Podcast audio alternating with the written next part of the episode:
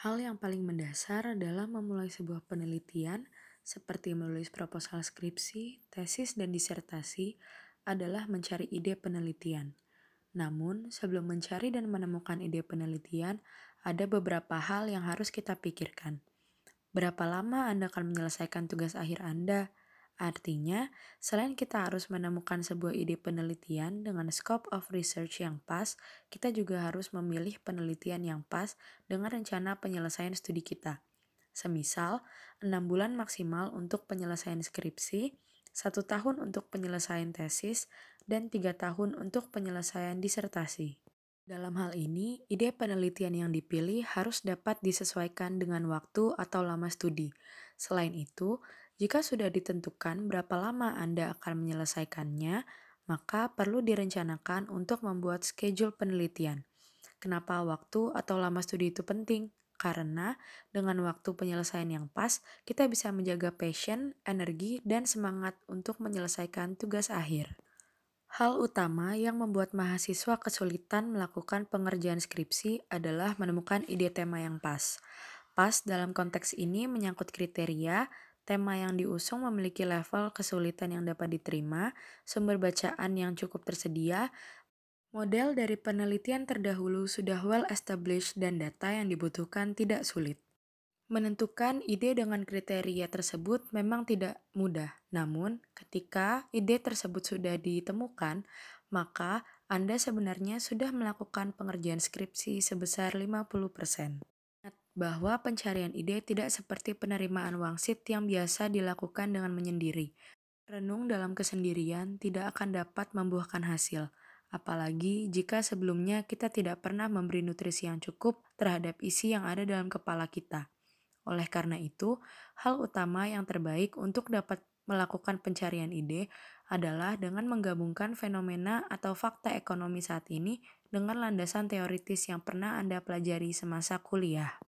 Dalam memilih ide penelitian, saya memiliki preferensi dan strategi, antara lain memilih tema penelitian yang dikuasai, mencari ide penelitian yang memiliki backup teori atau penelitian terdahulu yang cukup, mencari ide penelitian yang memiliki model penelitian yang telah diaplikasikan sebelumnya, dan data yang tersedia atau minimal memiliki implikasi biaya koleksi data yang sesuai dengan budget Anda.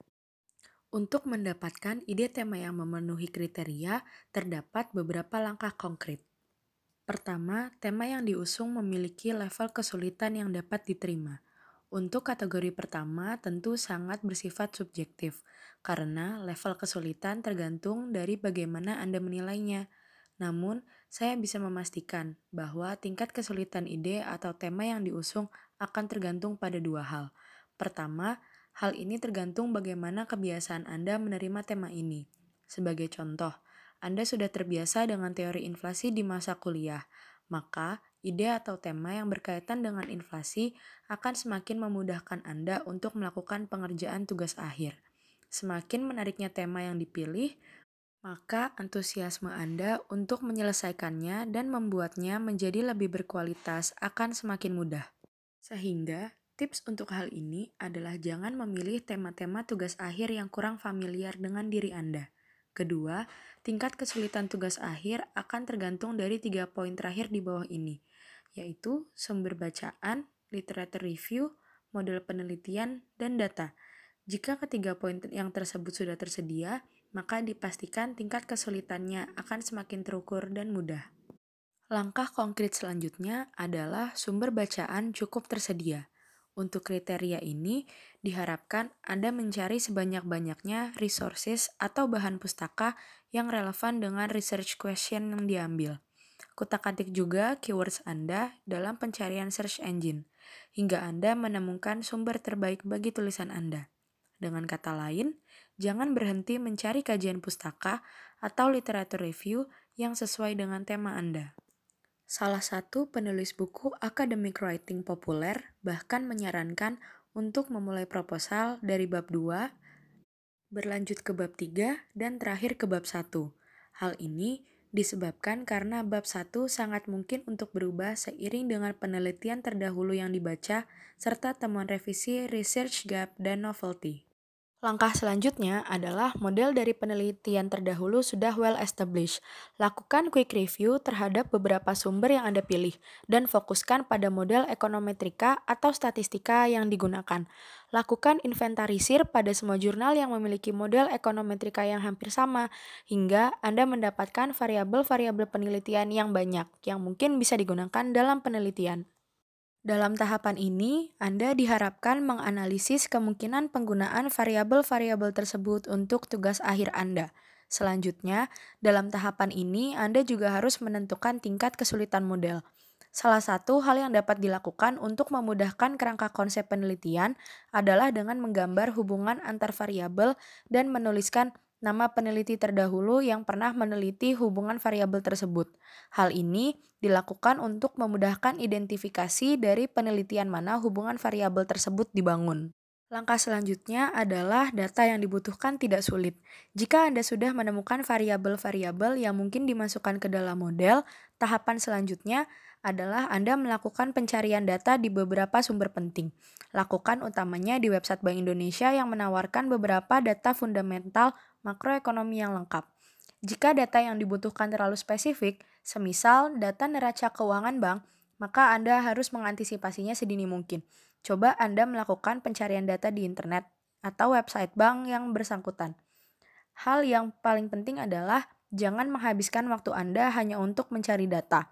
Jika memang data yang dicari sangatlah sulit dan memakan biaya yang mahal, sebaiknya Anda merevisi ide atau tema yang dipilih. Data memiliki peran yang sangat penting untuk mendukung kelancaran tugas akhir Anda. Untuk menemukan ide penelitian dan rujukan yang up-to-date mengenai tema-tema keuangan perbankan, ada baiknya jika Anda membaca beberapa jurnal-jurnal yang ada di website Bank Indonesia. Selain itu, Anda juga dapat membaca beberapa jurnal ekonomi, keuangan perbankan, dan makroekonomi yang diterbitkan oleh universitas-universitas terkemuka di Indonesia. Hal ini dilakukan untuk melihat perkembangan tema-tema baru, model penelitian, dan gaya penulisan yang relevan dengan tema-tema tersebut. Langkah terakhir adalah rumus 231. Tahap 1 adalah membaca jurnal atau paper dan penelitian yang inline dengan apa yang Anda lakukan. Kemudian, membuat ringkasan dan catatan kecil. Selanjutnya, dibuat matriks dalam Excel. Dalam tahapan ini, setelah di-review research question dari penelitian terdahulu, selanjutnya temukan research gap dan novelty yang akan dilakukan dalam penelitian ini. Tahap 2, menulis bab 2 dan bab 3. Tahap 3 merupakan penulisan pendahuluan atau bab 1. Terakhir, pikir dan renungkan tiga hal penting sebelum melakukan penelitian dan menuliskan rumusan masalah. Research fokus, apa fokus penelitian yang ingin diangkat? Research gap, apa perbedaan skripsi yang Anda lakukan dengan peneliti sebelumnya? Research implication. Apa kontribusi penelitian Anda dan apa take home message yang ingin diangkat dalam penelitian skripsi Anda?